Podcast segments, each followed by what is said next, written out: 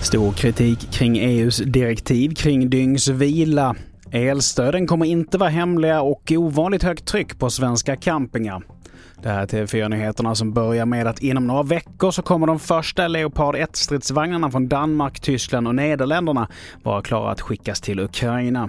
Det meddelar Danmarks tillförordnade försvarsminister Troels von Paulsen idag.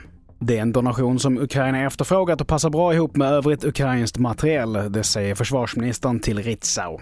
Vidare till Sverige för att EUs direktiv för dygnsvila som berör schemat för tusentals anställda får stor kritik. I vården har nu drygt 20 000 skrivit på en protestlista för att försöka stoppa nya regler senare i år. Och så här säger Lena Berggren som är undersköterska. Jag skulle behöva jobba mera dagar, jag skulle få mindre tid för återhämtning. Ja, det är katastrof. Och sen tror jag att många av mina kollegor kommer att säga upp sig för många bor i Östersund och jobbar här. Och det är några mil att köra och då blir det ju kortare arbetspass och det blir fler för dem och då blir det ju dyrare i längden.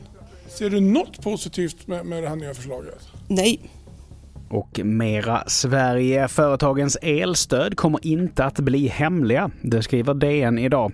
Det var en oväntad effekt av att det dragit ut på tiden när man nu väntar på godkännande av EU-kommissionen.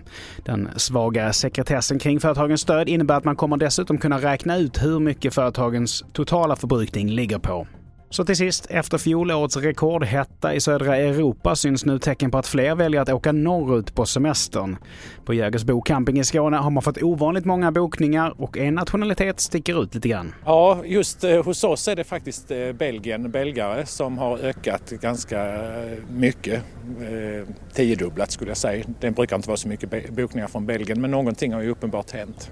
Och vad tror du har hänt? Ja, jag intervjuade ganska många gäster förra sommaren, både tyskar, fransmän och, och belgare, varför de kom. Och då, det var just eh, de här 40 grader i, i Frankrike, och Spanien och Portugal som gjorde att, att man valde att åka till Norden istället. Och i inslaget här så hade vi Mattias Linde som är campingägare. Fler nyheter hittar du på tv4.se. Jag heter Mattias Nordgren.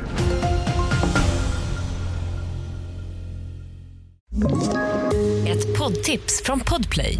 I fallen jag aldrig glömmer djupdyker Hasse Aro i arbetet bakom några av Sveriges mest uppseendeväckande brottsutredningar.